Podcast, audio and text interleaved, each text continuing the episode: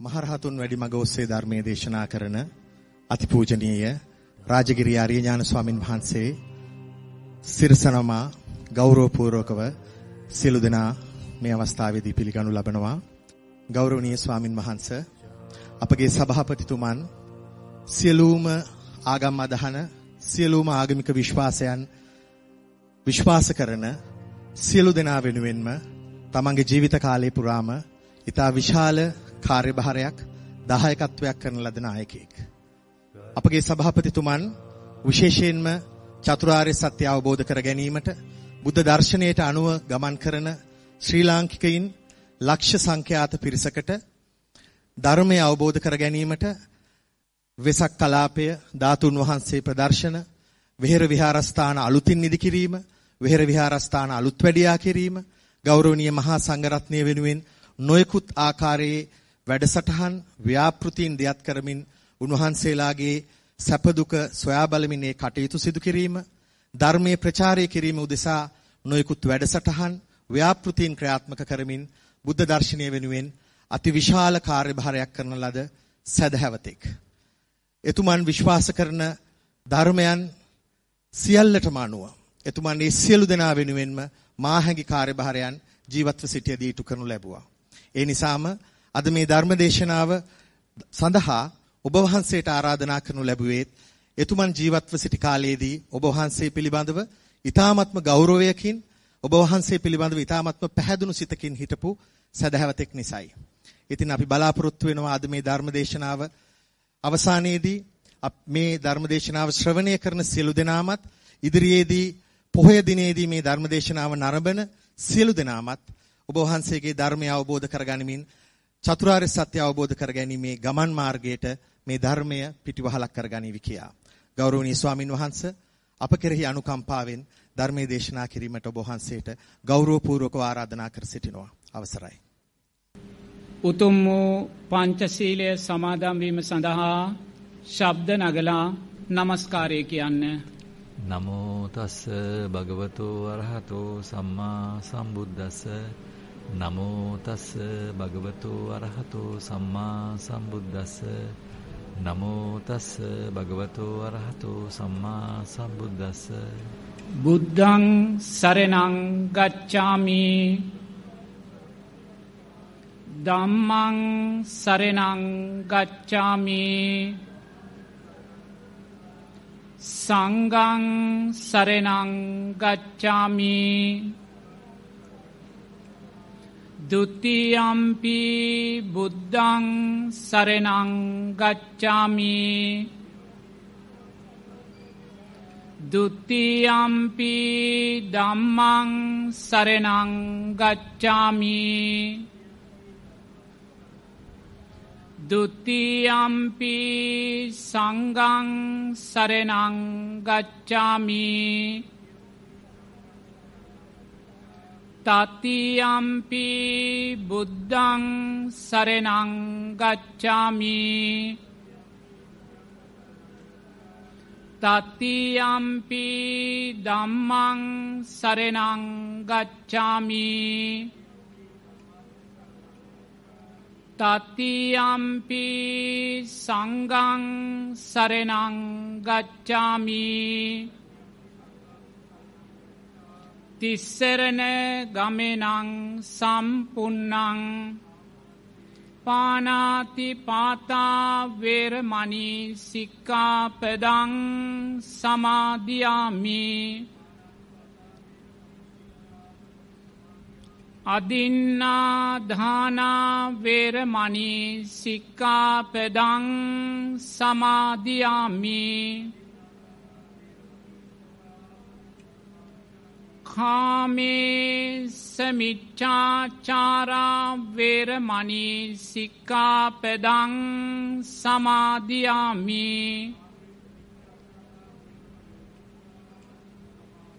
මුස්සාවාදා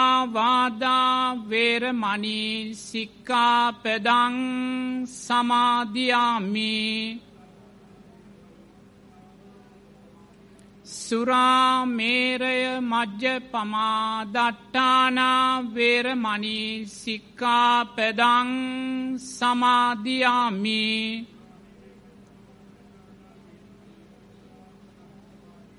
තිස්සරනේන සද්දිං පංචසීලං දම්මං සාධකං සුරක්කිතං කත්වා අපමාදේන සම්පාදේත.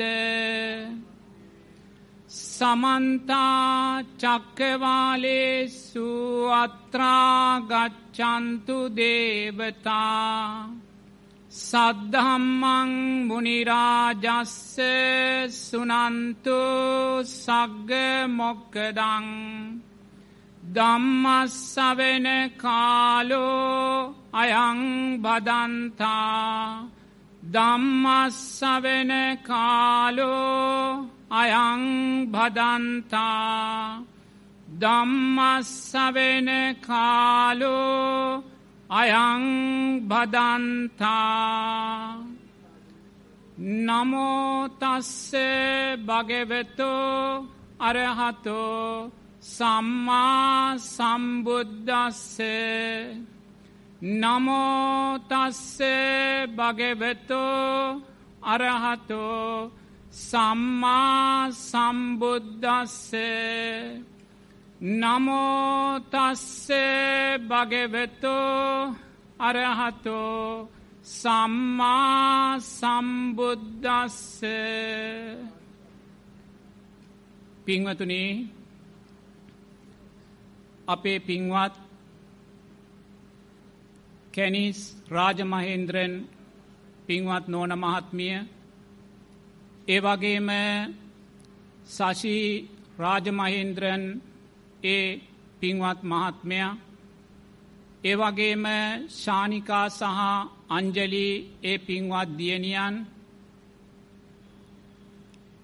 මේ මොහොතේ සෑම දෙනෙක්ම සිරස ඒ කාර්ය මණ්ඩලේ සෑම දෙනෙක්ම ඒකරාසි කරගෙන පිංහතුනී බොහෝම සත්පුරුෂ කල්්‍යාන මිත්‍ර පින්කමක් සිද්ධ කරගන්නයි යන්නේ.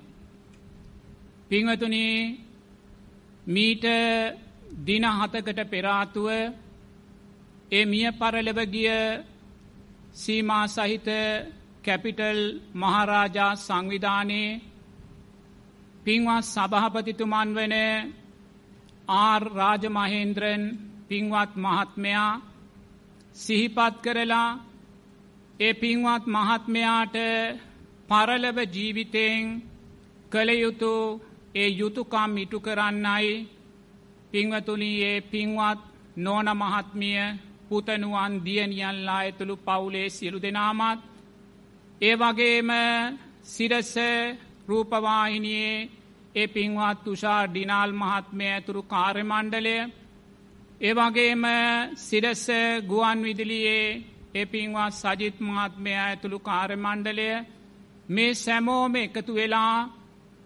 තමන්ගේ කල්්‍යාන මිත්‍ර පින්වත් සභහපතිතුමන් වෙනුවෙන් තමන්ට කළ හැකි ශේෂ්ඨතම යුතුකම ඉටු කිරීමටයි පින්වතුල්ලා මේ මොහොතේ සූදානම් වෙන්නේ.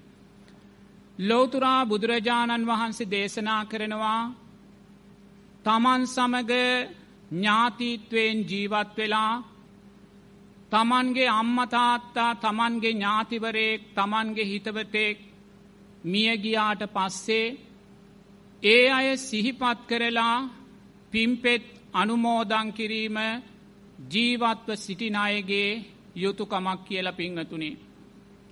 එනිසා පින්වතුල්ලා සියලූම දෙනාම මේ කල්්‍යාන මිත්‍රභාවයෙන් ඒකරාසි වෙලා මේ සිද්ධ කරන්නේ ලෝතුරා බුදුරජාණන් වහන්සේ දේශනා කලා වූයේ යුතුකම් පක්ෂයයි කියන කාරණය කරුණාවෙන් සිහිපත් කරගන්න ඕනේ. පිංවතුනේ මීට දවස් කීපයකට පෙරාතුව මං වස් සමාදං වෙලා ඉන්න ටිකක් ඈත ප්‍රදේශක මං උදෑසන පින්ඩපාත මඩුවට ගිහිල්ල පින්ඩපාත කරගෙන මං කුටියට යද්දී මට ගමේ මහත්මයෙක් මුණගැහිලකිව්ව ස්වාමීන් වහන්ස ඊය දවසේ සිරස රූපවාහිනියේ ඔබවහන්සේගේ ධර්ම දේශනා කීපයක්ම විකාශනය වුණා කියලා. මංකව මහත්‍යයෝ ඒක වෙන්න බැහැ කියලා. ඒ වෙලාවේ මහත්මයා මට කියනවා සාමීන් වහන්ස ඊයේ සිරසායතනයේ සභහපතිතුමන් මිය පරලව ගියා ඒ නිසා ඒ ධර්මදේශනා ඒ ආකාරයෙන් ප්‍රචාරය වුණායි කියලා. ඒ වෙලාවෙ තමයි මන් දැනගත්තේ ඒ පින්වත් මහත්මයා ඊය දවසේ මිය පරලව ගියායි කියන කාරණය. ඒ වෙලාවෙ මම අපේ පින්වත් සජිත් මහත්මයටත් පන්සිල් මල්ලුයායටත් කතා කරලා ඇව්ව මහත්තයෝ මගෙන් මොකක් හරි දෙයක් වෙන්න තියෙනවද කියලා. ඒ වෙලාවේ මහත්මයකුව සාමීන් වහන්ස හද්දවසේ ධර්මදේශනා පින්කම සිද්ධ කරලා දෙන්නේ කියලා.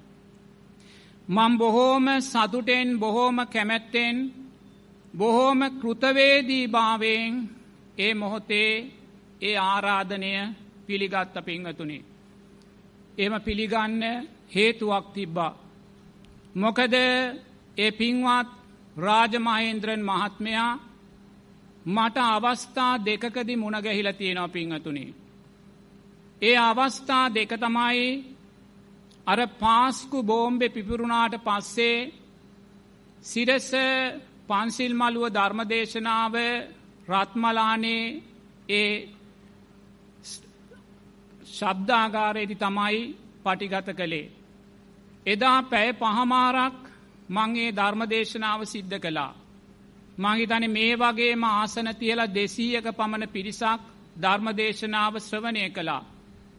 ධර්මදේශනාව අහවරුණාට පස්සේ අපේ පින්වත් ඒෂණී මුදලිගේ මහත්මිය පින්වත් සභහපතිතුමන් සමග මාළඟට ඇවිල්ලා ඒෂණී මුදලිගේ මහත්මිය මට ප්‍රකාශ කලා ස්වාමීන් වහන්ස සභහපතිතුමා පැය පහක් අතන පුටුවක් තියාගෙන වාඩි වෙලා කාටවත් නොපෙනෙන තැනක පුටුවක් තියාගෙන වාඩි වෙලා ඔබ වහන්සේගේ ධර්මය ශ්‍රවණය කළා දැන් ඔබ වහන්සේට අටපිරිකරක් පූජා කරන්න ඕනේ කියලා කිව්වෙ නිසා පිංහතුනේ එහෙ මොහොතේ මට ඒ මහත්මයා පලවෙනි වතාවට මන මුමුට ගැසුනේ අවස්ථාවදි.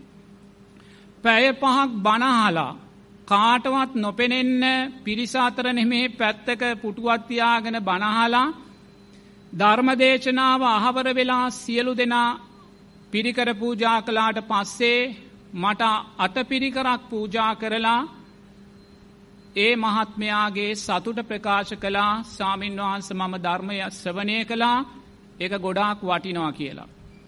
ඊට පස්සේ දෙවැනි අවස්ථාවේ මහත්තයා මට මුණගැසුනේ මේ කොරෝනා වුවදුරාවට පස්සේ ධර්මදේ සිරස වෙසක් පන්සිල් මළුව ධර්මදේශනාව එදත් පටිගත කළේ රත්මලානෙ මැදිරි සංකීර්ණෙදී මන් ධර්මදේශනාව පෑ පහක්ට වඩා කාලයක් ධර්මදේශනා කරලා ධර්මදේශනාව වුරුණාට පස්සේ ඒ මහත්මයා එදත් පැත්තක පුටුවක් තියල වාඩි වෙලා කාටවත් නොපෙනෙන්න ධර්මදේශනාවෙන් පස්සේ මගේ ළඟට එන්නවා නමුත් කවුදෝ මහත්තයෙක් එතන ඉදං ඡායාරූපයක් ගත්තා ඒ ගත්ත නිසා ඒ මහත්තයා හැරිල ගියා.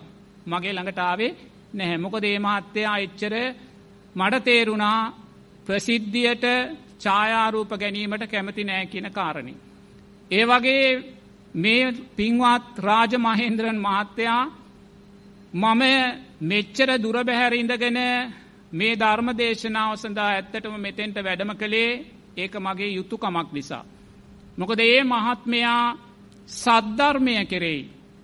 ඉතාමත් ගෞරවයක් ඉතාමත් කෘතවේදී භාවයක් තිබ්බා වූ මහත්තෙක්. ඒ වගේම සිරස මාධ්‍යජාලය අනෙත් මාධ්‍යයන්ට වඩා නුහුරු දෙයක් සිද්ධ කළා.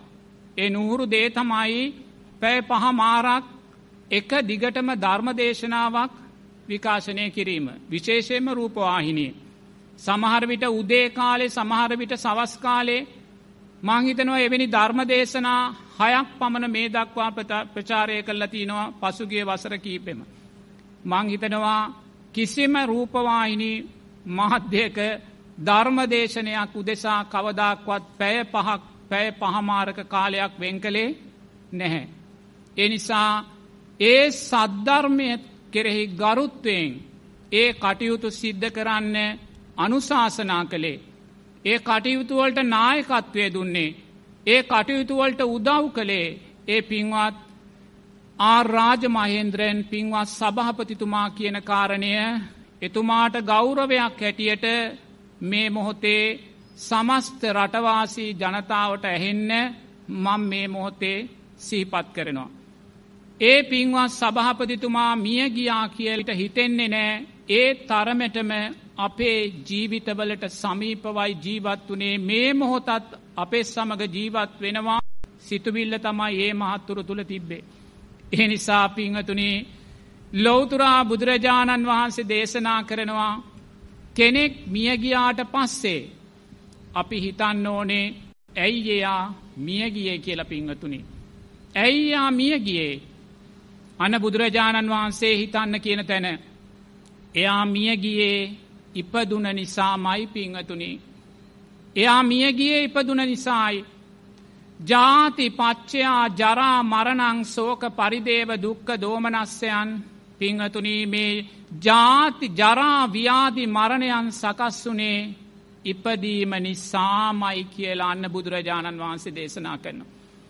එනිසා ලෝතුරා බුදුරජාණන් වහන්සේ දේශනා කරනවා මේ මොහොතේ අපි සෑම කෙනෙක්ම කල්්‍යාන මිත්‍රභාවයෙන් එකතු වෙලා ඒ පින්වත් සභහපතිතුමන්ට පින් අනුමෝදන් කරනවා වගේම බුදුරජාණන් වහන්සේ දේශනා කරනවා පිංහතුනේ මෙතන ඉන්න සෑම කෙනෙක්ම මේ ආවා වූ දීර්ඝ පටිච්ච සමුපපන්න බව ගමනෙදී මියගිය වෙලාවේ.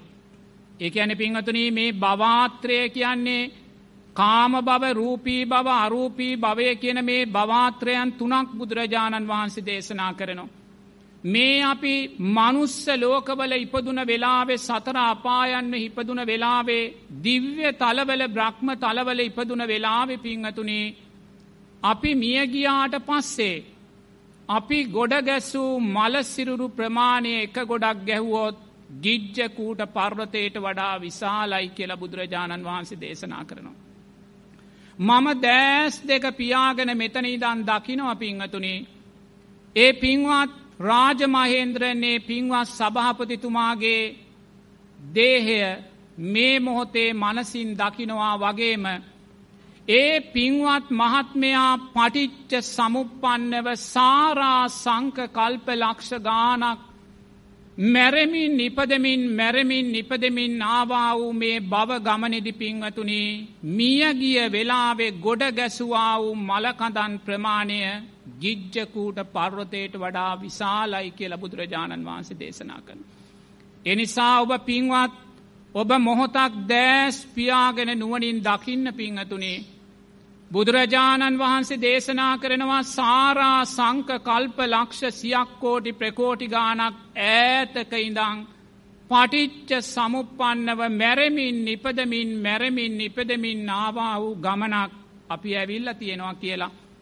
ඒ ආවා වූ දීර්ග බව ගමනෙදී අපි මනුස්සයින් වෙලා දෙවියන් වෙලාමයින් වෙලා සතරාපා සත්වයින් වෙලා ගිය වෙලා වෙපුුණි ගොඩ මලකඳන් ප්‍රමා ගිජ්ජකූට පර්වතයට වඩා විශාලයි කියන් වහන්ස. මතුනී අපි සංසාරයේ මේසා මලකඳන් ගොඩක් අපි ගොඩගහල තියෙන්නේ. ඒ ඇයි අපි එම මලකඳන් ගොඩ ගැහුවේ අපි කවදාක්වත් හිතුවේ නෑ පින්වතුනේ ඇයි අපි මැරෙන්නේ කියලා. අන බුදුරජාණන් වහන්සේ දේශනා කරනවා මරණය කියන කාරණය සකස් වෙන්නේ ඉපදීම නිසාමයි කිය ලබුදුරජාණන් වහන්සේ දේශනා කරන. දැන් ලෝතුරා බුදුරජාණන් වහන්සේ ඉපදීම නිරෝධය කළා සාරිපුත්ත මහෝත්තමයාණන් වහන්සේ මොග්ගල්ලාන මහෝත්තමයාණන් වහන්සේ අසෝදරා උත්තමාවිය උපත නිරෝධය කලා පිංහතුනේ නැවත උපතක් නැහැ. ඉන් මෙහා අපි සෑම කෙනෙක්ම මිය යන්නේ පිංහතුනේ ආයිමත් උපදින්න මයි. එනිසා කෙනෙක් මිය ගිය වෙලාවේ බුදුරජාණන් වහන්සේ දේශනා කරන්නේ නුවනින් දකින්න ඇයි අපි ඉපදුනේ කියලා. අන දැංගයා දකිනවා අපි මැරුණේ ඉපදුන නිසාමයි කියලා. අන ඊළඟට බුදුරජාණන් වහන්සේ දේශනා කරනවා ඇයි අපි ඉපදුනේ කියලා දකින්න කියලා පිංහතුනේ. අපි ඉපදුනේ කුමක් නිසාද භවපච්චයා ජාති මේ භවය තියෙන තාක්කල් මේ භවය කෙරෙහි තුෂ්නාව තියෙන තාක්කල් අපි ඉපදෙනවා පිංහතුනේ. මොකදද මේ භවය කියලා කියන්නේ. බුදුරජාණන් වහන්සේ භවාත්‍රය කියලා කාම බව රූපී බව අරූපී බව කියලා භවාත්‍රයක් දේශනා කරනවා. මේ කාම භවය කියලා කියන්න පිංහතුනේ මේ මනුස්ස ලෝකය සතර අපායත් ඒ වගේම මේ සස්්‍රීක දිව්‍යතල හය කාම භවයන්ටයි බුදුරජාණන් වහන්සේ වෙන් කරන්න. මේ තුසිතය නිම්මාන් රතිය යාමය තුසිතය නිම්මාන් රතිය පරනිම්මිත වසවත්තිය තාවතින්සය චාතුර් මහාරාජිකය මේ සස්්‍රීක දිව්‍යතල හයත් මනුස්ස ලෝකයත් සතරාපායත් කාමලෝකෙටයි අයිති වෙන්න පිංහතුනි. දැම් මේ අපි ඉපදිලා ඉන්නේ කාමලෝකය තුළ. ඒ වගේම රූපී ලෝකය හැටියට බුදුරජාණන් වහන්සේ දේශනා කරන්නේ යමෙක් පලවෙනි දෙවැනි තුන්වෙනි හතරවෙනි දියානතල සකස් කරගෙන මරණාසන්න මොහොතේ දියාන උපාදානය කරගෙන මියගියොත් එයා රූපාවචර බ්‍රහ්මතලවල උපත්තිය ලබනවා පිංහතුනි. ඒ වගේමයි යම් කෙනෙක් හතරවෙනි දිහානයෙන් ඔබ්බට හිත පිහිටලා ඔය ආකාසායංචා එතනය නේව සංඥා ඥාසංඥා වගේ අරූපී දියානබලට හිත ගියොත් එයා රූපී බ්‍රහ්මතලවල උපත්තිය ලබනො.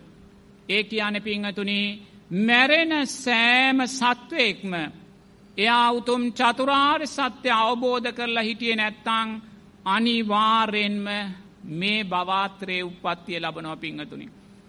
දැන් අපේ පින්වත් රාජමහේන්ද්‍රන් මහත්මයා මරණාසන්න මොහොතේ ඇති වුණා වූ අවසාන චුතිසිතට අදාළව පිංහතුනේ පටිච්ච සමුපන්නව මේ බවාත්‍රයේ ඉපදෙනවා. එය තමයි ලෝතුරා බුදුරජාණන් වහන්සේගේ ධර්මය පිංහතුනි. අන දැන් ලෝතුරා බුදුරජාණන් වහන්සේ දේශනා කරනවා කෙනෙක් මිය ගියාට පස්සේ ඇයියා මැරුණේ? ඉපදුන නිසයියා මැරුණේ? ඇයියා ඉපදුනේ?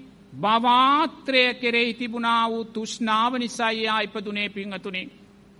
ඊළඟට බුදුරජාණන් වහන්සේ දේශනා කරනවා ඇයි මේ බවාත්‍රයා උපත සකස් කරගත්ත කියලා. අන්න බුදුරජාණන් වහන්සේ කෙනව උපාදාන පච්චයා බව්. උපාදානයයි භවය සකස් කරන්නේ. මොකද පිංහතුනේ උපාදානය කියන්නේ බැඳීයාම කාම උපාදාන දිට්ටි උපාදාන අන්න සීලවුතු උපාදාන.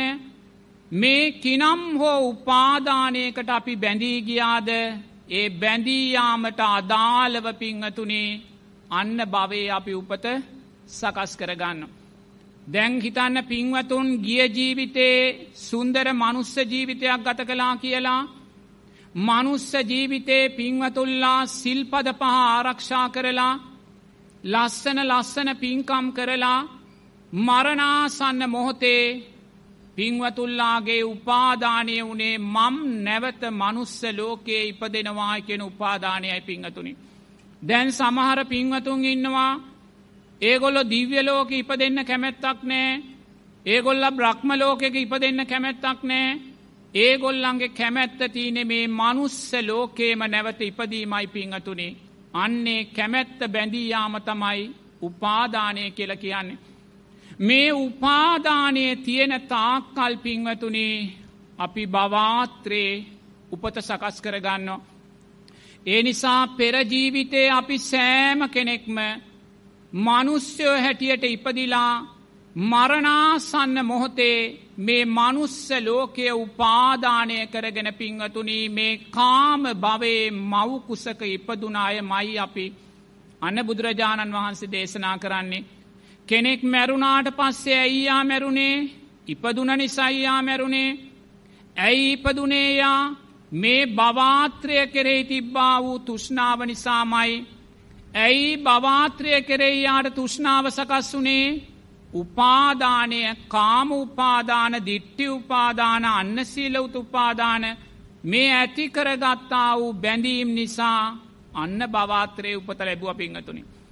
ඊළඟට බුදුරජාණන් වහන්සේ දේශනා කරනවා මේ උපාදානය සකස් වනේ කුමක් නිසාද කියලා.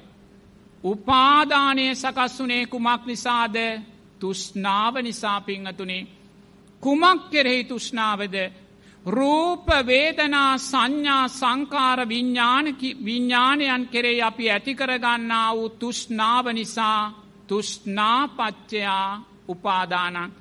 උපාදානපච්චයා බවෝ භවපච්චයා ජාති ජාතිපච්චයා ජරා මරණං සෝක පරිදේව දුක්ක දෝමනස්යන් පිංහතුනි.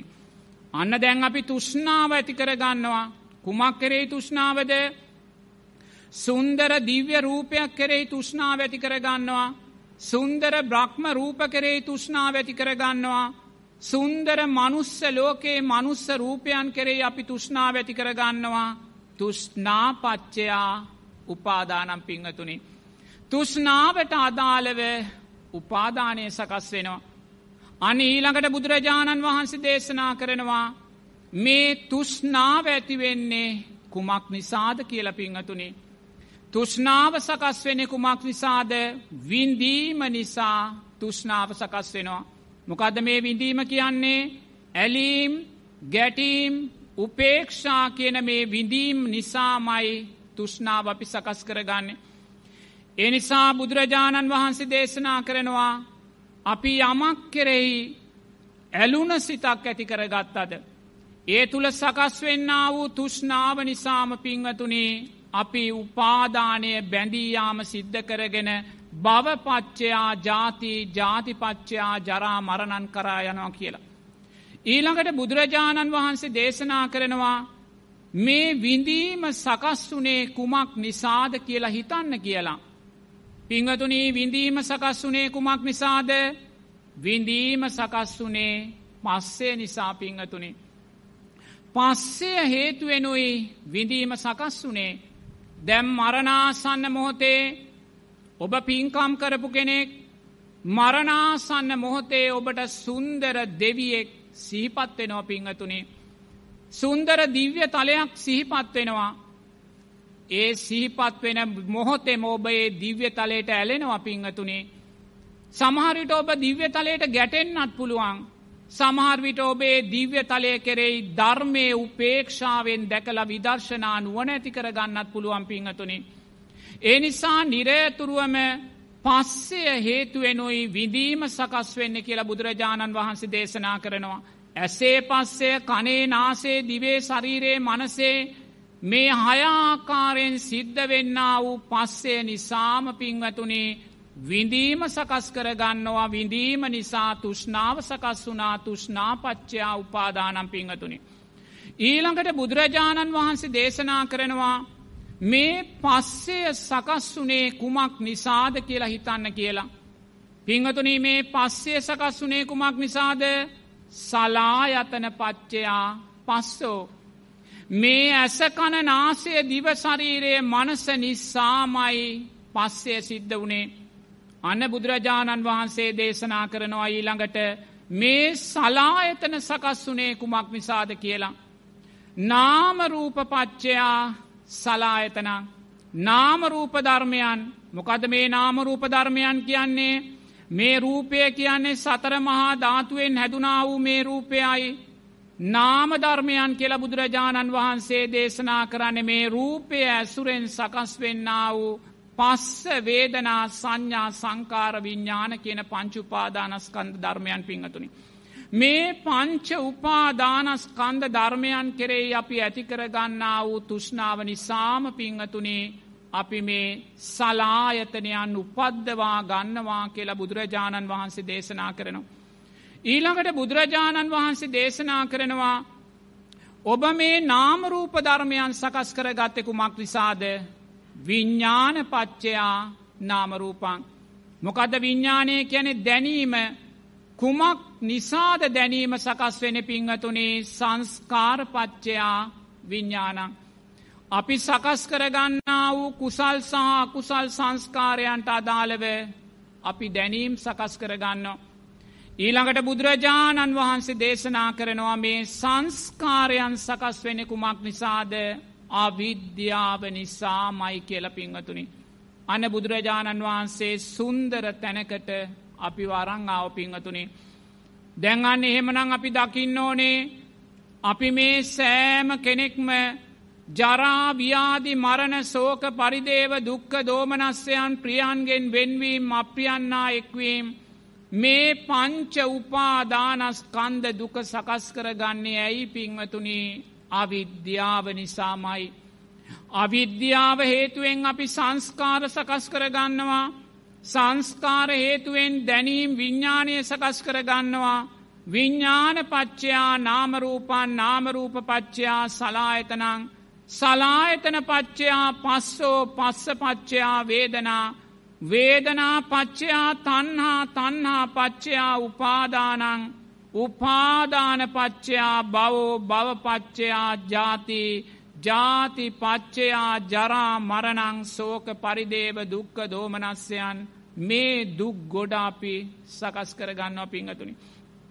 අන දැන් අපි හිතුවා ඇයි අපි මැරෙන්න කියලා ඇයි මැරෙන්නේ පිංහතුනී අපි තාම අවිද්‍යාව තුළ ජීවත්වෙනවා පිංහතුනේ. තාම අපි අවිද්‍යාව තුළ ජීවත් වෙනවා කුමක්ද අවිද්‍යාව කියන්නේ තාම අපි චතුරාර්ය සත්‍ය දන්නේ නෑ පිංහතුනේ.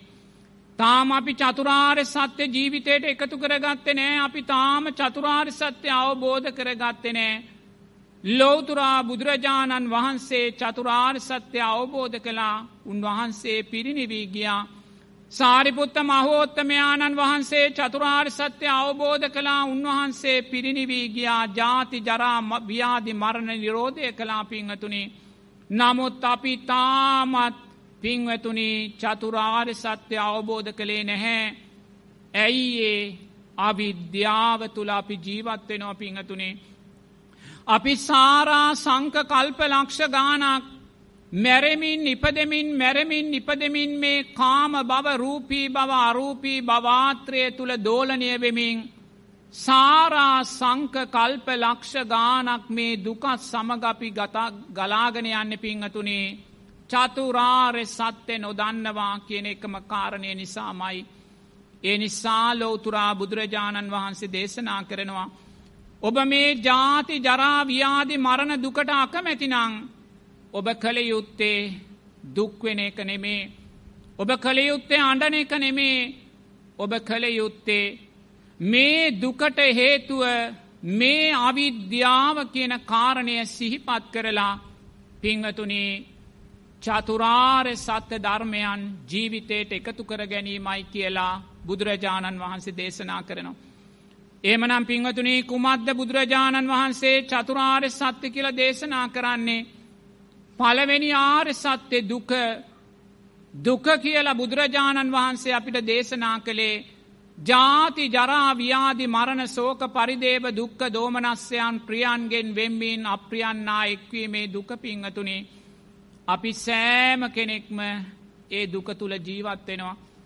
අපි සෑම කෙනෙක්ම සෑම නිමේශයකදිම මේ ජාති ජරාව්‍යාදි මරණ දුකෙන් පීඩනයට පත්වෙලා ඉන්න පිංහතුනේ අන දෙවැනි ආර සත්‍ය බුදුරජාණන් වහන්සේ දේශනා කරනවා ඔබ ජාති ජරාව්‍යාදි මරණ දුකෙන් පෙළෙනවා නං දෙවැනි ආර සත්‍යති බුදුරජාන් වහන්සේක් දේශනා කරනවා මේ දුකට හේතු දෙකක් නෑ කියලා පිංහතුනේ.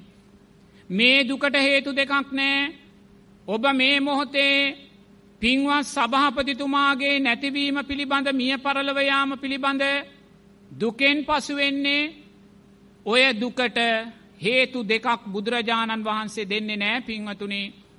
ඔය දෙකට එක හේතුවයි දෙන්නේ මොකක්දේ හේතුව ඔබ දුකට පත්වනානං දුකට හේතුව තුෂ්නාවයි පිංහතුනේ.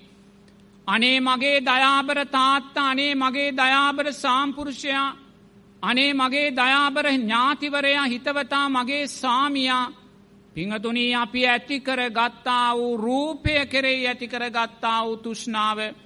විඳීම් හඳුනා ගැනීම් සංස්කාර විඤ්ඥානයන් කෙරේ ඇතිකර ගත්තා වූ තුෂ්නාව අන්න දුක සකස් කරනවා පිංහතුනී සුන්දර ධර්මයක්. කෙනෙක් මියගිය වෙලාවේ අපි දුක්වීම පැත්තකින් තියලා මේ සුන්දර ධර්මයයි බුදුරජාණන් වහන්සේ අපිට මතුකර දකින්න කියන්නේ. ඇයි ඔබ දුක්කුණේ හේතු දෙකක් නෑ එක හේතුවයි තුෂ්නාව පිංහතුනේ. අන්න තුන්ගනි ආර් සත්‍ය බුදුරජාණන් වහන්සේ දේශනා කරනවා. දැන් ඔබ දුක දැක්කා ඔබ තුළින් ඔබ දුක දැක්කා දැන් ඔබ තුළින් ඔබ දුකට හේතුව තුෂ්නාවත් දැක්කා තුන්ගනි ආර් සත්‍යදි බුදුරජාණන් වහන්සේ දේශනා කරනවා. ඔබ දුක නැති කරන්න නං ඔබ මොකද්ද කරන්න ඕනේ තුෂ්නාවයි නැති කළ යුත්ත කියලා පිංහතුනේ. තුෂ්නාවයි නැති කළ යුත්ත කියලා. තුෂ්නාව තියෙන තාක්කල් පිංවතුනේ දුක නැති කරන්න බෑ පිංහතුනේ. දුක නැති කරන්න නං තුෂ්නාවයි නැති කළ යුත්තේ කියලා බුදුරජාණන් වහන්සේ දේශනා කරනවා. හතරවෙනි ආර් සත්‍යදි මොකක්ද බුදුරජාණන් වහන්සේ කියන්නේ. ඔබ ඔබ තුළින් දුක දැක්කනං දුකට හේතුව තුෂ්නාවත් ඔබ තුළින් දැක්කනං දුක නැති කරන්න නම් තුෂ්නාව නැති කළ යුතුයි කියලා ඔබ දැක්කනම් පින්වතුනේ හතරවෙනි ආර් සත්‍යදි බුදුරජාණන් වහන්සේ දේශනා කරනවා දුක නැතිකිරීමේ මාර්ගය ආර්යෂ්ඨාංගික මාර්ගයයි කියල පින්වතුනේ. අන්න සුන්දර ධර්මයක්. බුදුරජාණන් වහන්සේ දේශනා කරනවා මේ ආවා වූ දීර්ඝ සාරා සංක කල්ප ලක්ෂ ගානක් දීර්ඝ බවාත්‍රයේ පිංහතුනේ අපේ අම්ම නැතිවෙච්ච වෙලාවේ අපේ තාත්ත නැතිවෙච්ච වෙලාවේ අපේ බිරිඳ සාම්පුරුෂයා නැතිවෙච්ච වෙලාවේ අපි හැඩුවා වූ කඳුළු එක ගොඩක් ගැහුවොත් මහාසාගරයේ ජලයට වඩා වැඩී කියල පිංහතුනේ. ඔබාර මහා සාගරය සිහියට නගාගන්න ඒ මහා සාගරයේ ජල කඳ සිහියට නගාගන්න ඒ මහා සාගරයේ ජල කඳ කියන්න වෙන දෙයක් නෙමේ පිංහතුනේ අපේ අම්මලා තාත්තලා පටිච්ච සමුපන්නෝ මියගිය වෙලාවේ අපි හැඩුවා වූ කඳුළුවල එකතුවයි කියලා බුදුරජාණන් වහන්සේ දේශනා කරනවා. මේසා අම්මලා තාත්තලා උදෙසා කඳුළු හෙළලා තියෙනවා සංසාරය අපි පිංහතුනේ. මේ මොහොතේ අපි අපේ අම්මා තාත්තා කෙරෙහි තුෂ්නාවෙන් පසුවෙන මොහොතක් පාසාපිංවතුනේ අපි අනාගත බව ගමනේ තවත් අම්මා කෙනෙක් ලබන්න තවත් තාත්තා කෙනෙක් ලබන්න අදාළ සංස්කාර අපි මේ මොහොතේ රැස්කර ගන්නවා පිංහතුනේ. මේ මොහොතෙත් අපි රැස්කර ගන්නවා. මොකද අම්මා මමය කියල දකිනවා අම්මා මගේ කියල දකිනවා තාත්තා මමය කියල දකිනවා තාත්තා මගේ කියල දකිනවා තාත්තා මගේ ආත්මය කියලා අපි දකිනවා පිංවතුනේ සංසාරයක් පුරාවට අපිට මෙවැනි තාත්තලා කෝටි ගානක් ලැබලා තියෙනවා කියලා බුදුරජාණන් වහන්සේ දේශනා කරනවා පිංහතුනේ. මේ සුන්දර දැක්ම අපි තාම නොදකින්නේ ඇයි පිංහතුනේ අපි තාම චතුරාර් සත්‍ය අවබෝධ කළේ නැහැ. ඒ නිසා බුදුරජාණන් වහන්සේ දේශනා කරනවා අපේ තාත්තා මිය පරලව ගිහිල්ලා අපේ ඥාතිවරයා මිය පරලව ගිහිල්ලා ඔබේ සාමයා මිය පරලව ගිහිල්ලා ඒ පින්වත් සභහපතිතුමන්ටේ පින්වත් පියානන්ට මේ ලෝක ධාතුවේ දෙන්න තියෙන ශේෂ්ඨම පුං්ඥ කර්මය තමයි පින තමයි පිංහතුනේ මේ මොහොතේ ඔබ මේ සුන්දර චතුරාර් සත ධර්මයට අදාළව මොහොතක් ජීවිතය විසිරෝල දකින්න පිංහතුනේ. අනේ දුක කියන්නේ මේ ජාති ජරාව්‍යාදි මරණ කියන්නේ දුක්ක සත්‍යය මයි බුදුරජාණන් වහන්සේ දේශනා කළ. අනේ මේ දුක මාතුළ සකස් වෙන්නේ මම තාත්තා කියන අර්ථය කෙරෙහි ඇතිකරගත්තා වූ තුෂ්නාව නිසාමයි. එනම් මං මේ දුක නැති කරන්න නං මං මේ තුෂ්නාව සියුම් කරන්න ඕනෙ මාතුළින් මං මේ තුෂ්නාව සියුම් කරන්නේ කොහොමද මෙන්න සුන්දර මාර්ගයක් කියනවා පිංහතුනි. මොකක්ද මේ සුන්දර මාර්ගය ආර්යෂ්ඨාංගික මාර්ගය පිංහතුනේ අන්න බුදුරජාණන් වහන්සේ දේශනා කරනවා. ඔබ දුකට අකමැතිනං ඔබ කළ යුතු එකම එක දේ පිංහතුනේ දුක නිරෝධය කරන දුක තුනී කරන මේ සුන්දර ආර්යෂ්ඨාංගික මාර්ගයේ ගමන් කිරීමයි කියලා. එමනම් පිංහතුනේ දුක දැකලා දුකට හේතුව තුෂ්නාව දැකලා දුක නැතිකිරීම තමා තුළින්ම දැකලා පිංහතුනේ ආර්යෂ්ඨාංගික මාර්ගයට අවතීරණ වෙන්න.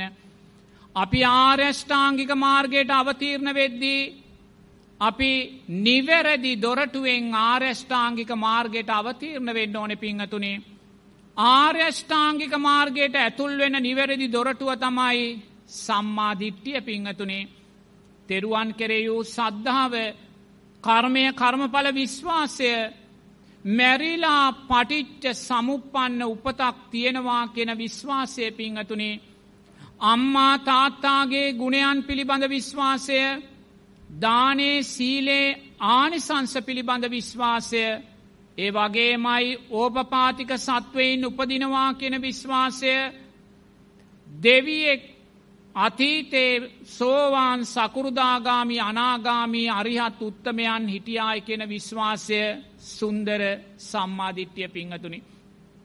දැන් අපි මේ දුකෙන් මිදෙන මාර්ගයටයි යන්නේ අපි දුකෙන් මිදෙන මාර්ගය ආර්යෂ්ඨාංගික මාර්ගයෙන් තොරව පිංහතුනේ අපි දුක තුනී කරගන්න යන මොහොතක් මොහොතක් පාසා අපි අපේ දුක පිංවතුනේ තව තව වැඩි කර ගැනීමක් මයි සිද්ධ කරන්නේ. එනිසා නිරේතුරුවම මේ උතුම් සම්මා දිට්ටිය අර්ථයන් ජීවිතයට එකතු කරගන්න පිංහතුනේ. තෙරුවන් කෙරෙයූ සද්ධහා වැති කරගන්න කර්මය කර්මඵල විශ්වාසය යහපත් දෙයක් කළොත් යහපත් විපාකයක් ලැබෙනවා. අයහපත් දෙයක් කළොත් අයහපත් විපාකයක් ලැබෙනවා කියන විශ්වාසය ඇතිකරගෙන අයහපතෙන් බැහැරවෙන්න යහපත තුළ ශක්තිමත් වෙන්න.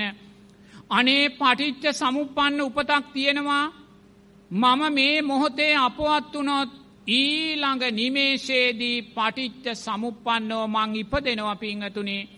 ඒ විශ්වාසය සම්මාධිට්්‍ය අර්ථයක් ඔබ තුළ විශ්වාසයක් තියෙන්න්න ඕනේ මම කොයි මොහොතේ හෝ මිය පරලව ගියොත් ඊළඟ නිමේශේදීම පටිච්ච සමුපන්නව මං මේ බවාත්‍රය ඉපදෙනවා කියලා. ඒ විශ්වාසය තියෙන කෙනා කවදාක්වත් පින්වතුනේ තමන්ගේ පටිච්ච සමුපන්න උපත දුරුවල කරගන්නේ නෑ. එයා නිරේතුරුවම තමන්ගේ ජීවිතයා මෙහේවන්නේ පටිච්ච සමුපන්න උපතේ ශක්තිමත් භාවය උදෙසාමයි ඒ වගේ මෙයා දානේ සීලේ ආනිසංස පිළිබඳ විශ්වාසය ඇති කරගන්නවා. එයා තෙරුවන්ට අදාළව දකිනව පිංහතුනේ දානේ ආනිසංස දෙයනේ මේ සමාජයේ දිහැ බැලුහාම මහේශාක්‍ය ප්‍රභූ ධනවත් කොයිසා සුන්දර චරිත තියෙනවද පිංහතුනේ. මොකද මේ මහේශාක්‍ය භාවය ප්‍රභූභාවය ධනවත් භාවය කියන්නේ පිංහතුනේ පෙර දානේ ආනිසංසමයි පිංහතුනේ. පෙර සිල්පද ආරක්ෂා කරගෙන දුන්නා වූ දානේ ආනිසංසමයි මේ සුන්දර ආයුෂ වර්ණය සැපේ බලය පිංහතුනේ. අන සම්මාධිට්්‍යාර්ථයක් එතකොට එයා කවදාක්වත් ධනවත් කෙනෙත් දකිද්දි ප්‍රභූ කෙනෙත් දකිද්දි මහේශාක කෙනෙත් දකිද්දි. එයාට වෛර කරන්නේ නෑ. එයාට ඊර්ෂයා කරන්නේ නෑ. ඇයි පිංහතුනේ? එයා දන්නවා මේ මහේශාක්‍ය භාවය ලැබුණේ පෙර ජීවිතේ සිල්පද ආරක්ෂා කරගෙන දුන්නා වූ දානයන්ගේ පලයන් මයි කියල පිංහතුනි. ඒ වගේ මෙයා දකිනවා දුප්පත් කෙනෙක් දකිද්දී දෙයනේ යා මේ දුප්පත් භාවයට පත්වනේ පෙර ජීවිතේ දානේ දුර්වලභාවයන් නිසාමයි කියලා. එම දැකලයා මොකද කරන්නේ මේ ජීවිතයාගේ දානේ ශක්තිය වැඩි කරගන්නවයා. ඒවගේම සීලේ ආනිසංසයන් සීලේ පළවෙනි ආනිසංසය තමයි ජනප්‍රිය භාවය පිංහතුනේ. සමාජයේ දිහැ බලන කොයිසා ජනප්‍රිය චරිත තියෙනවද කියලා. මේ පින්වත් සභහපතිතුමා මේ රටේ ජීවත් වන ජනප්‍රිය මහේෂාක ජීවිතයක් ගතකරපු පින්වතෙක්. එතකොට මේ ජනප්‍රිය භාවය මේ මහේෂාක්‍ය භාවය මේ ධනවත් භාවය ඇයි ලැබුණ පිංහතුනේ. බුදුරජාණන් වහන්සේ සම්මාධිට්්‍යයට අදාළව දේශනා කරනවා ඒ කියන්නේ මේ පින්වත් රාජ මහේන්ද්‍රන් මහත්මයා පෙර ජීවිතේ සිල්පදපා ආරක්ෂා කරගෙන සුන්දර ආකාරයෙන් දන්දුන්න පින්වතෙක් පිංහතුනේ. අන්න එහි විපාකේනවා මේ ජීවිතේ මහේෂාක්‍ය භාවයන් ධනවත් භාවයන් ලබනව පිංහතුනේ සුන්දර සම්මාධිට්ටිය ඊළඟ සම්මාධිට්ටිය අර්ථය තමයි අම්මා තාත්තාගේ ගුණයන් පිළිබඳ විශ්වාසය සම්මාධිට්්‍යයට අදාලයි. බුදුරජාණන් වහන්සේ අම්මා තාත්තා මහා බ්‍රහ්මයා කියලා කියන්න පිංහතුනේ. මහා බ්‍රහ්මයා ලෝකය දිහැ බලන්නේ මනුස්සෙයින් දිහැ බලන්නේ මෙත්තා කරුණා මුදිතා උපේක්ෂා ගුණයන්ගෙන් මයි. අනේ යහපතක් වේවා දියුණුවක් වේවා මෙත්තා කරුණා මුදිතා උපේක්ෂා බ්‍රහ්ම විහරණයන්ගෙන් මයි පිංහතුනි මහා බ්‍රහ්මයා ලෝකයේ දිහැ බලන්නේ අන්න බුදුරජාණන් වහන්සේ දේශනා කරනවා ඔබේ අම්මා තාත්තා මහා බ්‍රහ්මයා කියලා. ඔබේ අම්මා තාත්තා ඔබ දිහැ බැලුවේ දරුවන් දිහැ බැලුවේ මෙත්තා කරුණා මුදිතා උපේක්ෂා ගුණයන්ගෙන් මයි පිංහතුනේ. අනේ මගේ පුතාට අනේ මගේ දුවට යහපතක් වේවා හොඳක් වේවා මේ ආකාරයෙන් මෛත්‍රී චිත්තයෙන් මයි අම්මා තාත්තා දවාදරුව පෝෂණය කළේ පිංහතුනේ. එනිසාම දවා දරුවන් දෙමාපියන් කෙරෙයි ඒ ආකාරයෙන්ම පෙරලා කෘතවේදී භාවයන් දැක්විය යුතුයි. එය සුන්දර සම්මාධිට්්‍ය අර්ථයක්. දැම් මේ මොහොතේ මේ පින්වත් පුතනුවන් දියනිවරුන් මේ එකතු වෙලා පිංහතුනී මේ සිද්ධ කරන්නේ සුන්දර සම්මාධිට්්‍ය ආර්ථයන්ට අදාළ ධර්මයක්. අනේ තමන්ගේ මහා බ්‍රහ්ම ගුණයන්ගෙන් යුත් මගේ දයාබර තාත්තන් මියගියා. ඒ දයාබර පියාණන් මෙත්තා කරුණා මුදිතා උපේක්ෂා ගුණයන්ගෙන් මයි අපිව බැලුවේ අපිව පෝෂණය කළේ අපිව ලොකුමහත් කළේ අපිව මේ තැනට සමාජයේ ඔස්සවල තිබ්බේ පිංහතුනේ ඒ නිසාමමං මගේ දෙමාපියන් උදෙසා ඒ යුතුකම් පක්ෂය අකුරට ඉටු කරනවා කියලා මේ කරන්න වූ යුතුකම් පක්ෂය පින්වතුනේ සුන්දර සම්මාධිට්්‍ය අර්ථයක්. ඒ වගේ මයි ඕපපාතික සත්වයෙන් උපදිනවා කෙන විශ්වාසය ඔබට විශ්වාසයක් තියෙන් ඕන දෙවියෙක් බ්‍රහ්මයෙක් ඕපපාතිකව ඉපදෙනවා කියලා. ඔබට එහෙම විශ්වාසයක් තිබ්බොත් විතරයි මේ ජීවිතේ මන් සුන්දර මනුස්සෙක් වුණා ඊළඟ ජීවිතේ මන් සස්ත්‍රීක දිව්‍ය තලයක සස්ත්‍රීක දෙවියෙක් වෙනවා කියන විශ්වාසය ඇතිවෙන්න පිංහතුනි. මං මේ ජීවිතේ සුන්දර මනුස්සෙක් වුණා මම ඊළඟ ජීවිතේ සුන්දර බ්‍රහ්ම තලයක රූපාවචර අරූපාවචර බ්‍රහ්ම තලයක සුන්දර සමාධිය වඩලා උපදිනවායි කියෙන විශ්වාසයක් ඔබට ඇතිවෙන්නේ. එනිසා නිරේතුරුවම ඔබ විශ්වාසයක් ඇතිකරගන්න ඕපපාතික දෙවියෙක් බ්‍රහ්මයෙක් උපදිනවා. මමත් ඊළඟ ජීවිතයේ සුන්දර දෙවියෙක් බ්‍රහ්මයෙක් වෙනවා කියල පිංවතුනේ සුන්දර සම්මාධිට්ටිය. ඊළඟට අතීතයේ සෝවාන් සකෘදාගාමි අනාගාමි අරිහත් උත්තමයින් හිටියා කෙන විශ්වාසය අපිට තියෙනවා සම්මාධිට්්‍යයේදී පිංහතුනී සාරා සංක කල්ප ලක්ෂසියක් කෝටි ප්‍රකෝටි ගානක් කල්ප විනාසයන් දස දහස් ගානක් පසුකරගෙන අපි ඇවිල්ල තියෙනවා පිංහතුනි. කල්ප විනාසයන් දස දහස් ගානක් පහුකරගෙන අපි ඇවිල්ල තියෙනවා. ඇයි මේසා දුක්කන්දරාවක් ඔබත් මමත් වින්ද පිංහතුනේ සතරාපායන්ට වැටිලා කල්ප ගණන් ඔබත් මමත් දුක්වින්දේ ඇයි පිංහතුනේ තාම අපිට සෝවාන් පලේට පත්වෙන්න බැරි වුණා. තාම අපිට සකුරුදාගාමී අනාගාමී අරිහත් පලයන්ට පත්වෙන්න බැරි වුණා. ඇයි බැරිවුණේ පිංහතුනේ අපි තුළ තාම විශ්වාසයක් නැහැ. අනේ අතීතයේ සෝවාන් සකුරුදාගාමි අනාගාමි අරිහත් උත්තමයින් හිටියා. මටත් මේ ජීවිතේ සෝවාන් පලයට පත්වෙන්න පුළුවන් කියෙන විශ්වාසය වීර්ය අපි තුළ නෑ පිංහතුනේ. අන්නේ වීර්ය ඇති කරගන්න අතීතයේ සෝවාන් උත්තමයන් හිටියනං මේ උතුම් ධර්මය සන්දිට්ටිකව ජීවමානව තිබෙනවනං මටත් මේ ජීවිතයේ උතුම් සෝවාන් පලයට පත්වෙලා පිංහතුනේ මේ ජාති ජරා ව්‍යාදි මරණ දුක උපරිමාත්ම භාව හතකට සීමා කරගන්න පුළුවන් කියන විශ්වාසය ඇති කරගන්න සුන්දර සම්මාධිට්්‍යය පිංහතුනේ. දැම්මේ දැම් මේ සම්මාධිට්්‍යය ඇතිකරගත්තට පස්සේ එයා තුළ සම්මා සංකප්පයන් වැඩෙනවා. මොකද සම්මා සංකප්ප අවිහිංසා සංකප්ප අව්‍යාපාද සංකප්ප නෙක්කම්මය එයා කේන්ති ගන්නේ නෑ කාටවත් හිංසා කරන්නේ නෑ ලෝබ දේශ මෝහයන් වඩන්නේ නෑ ඇයි පිංහතුනි එයා දන්නවා ඒවා වැඩුවොත් සතර අපායයි යුරුම කියල පිංහතුනේ සම්මා දිට්ටියෙන් සම්මා සංකප්ප පෝෂණය කරල දෙනවා. එයා නිරේතුරුව මෛත්‍රී වඩනවා. එයා අවිහිංසාව පතුරනවා අලෝබාදේශාමෝහ ධර්මයන් තුළයා ජීවත්වෙනවා පිංහතුනේ. සම්මා දිට්ටියෙන් සම්මා සංකප්ප වැඩුණා සම්මා සංකප්පයන්ගෙන් සම්මා වාචා සම්මා කම්මන්තෝ සම්මා ආජීවයන් වැඩෙනවා. සීලේට අදාළ සුන්දරංග අටක් පිංහතුනේ ආජීව අට්ටමක සීලේට අදාළ සීලය මේ මාර්ගංග තුළ තුළින් වැඩෙනවා. ඇයි පිංහතුනේ එයා දන්නවා සිල්පද පහ දුරුවල කරගත්තොත් කවදාක්වත් නැවත මනුස්සෙක් නම් වෙන්න බෑ කියල පිංහතුනේ. අපි මේ සුන්දර මනුස්ස ජීවිතය ලැබුවේ අපේ අම්ම නිසා නෙමේ පිංහතුනේ. අපේ තාත්ත නිසා නෙමේ අපිට මේ සුන්දර මනුස්ස ජීවිතය ලැබුණේ. මේ සුන්දර මනුස්ස ජීවිතය ඔබට ලබල දුන්නේ පෙර ජීවිතේ ඔබ ආරක්ෂා කලා වූ පංචසීලේ ශක්තිය මයි පිංහතුනේ. පෙර ජීවිතය ඔබ පංස්ට සීලය ආරක්ෂා කළේ නැත්තං ඔබ පංච සීලයෙන් දුර්වල වනානම් පිංවතුනේ අනිවාර්යෙන්ම අපි මේ ජීවිතේ සතරාපායේ ජීවත්වෙන්න පිංහතුනේ.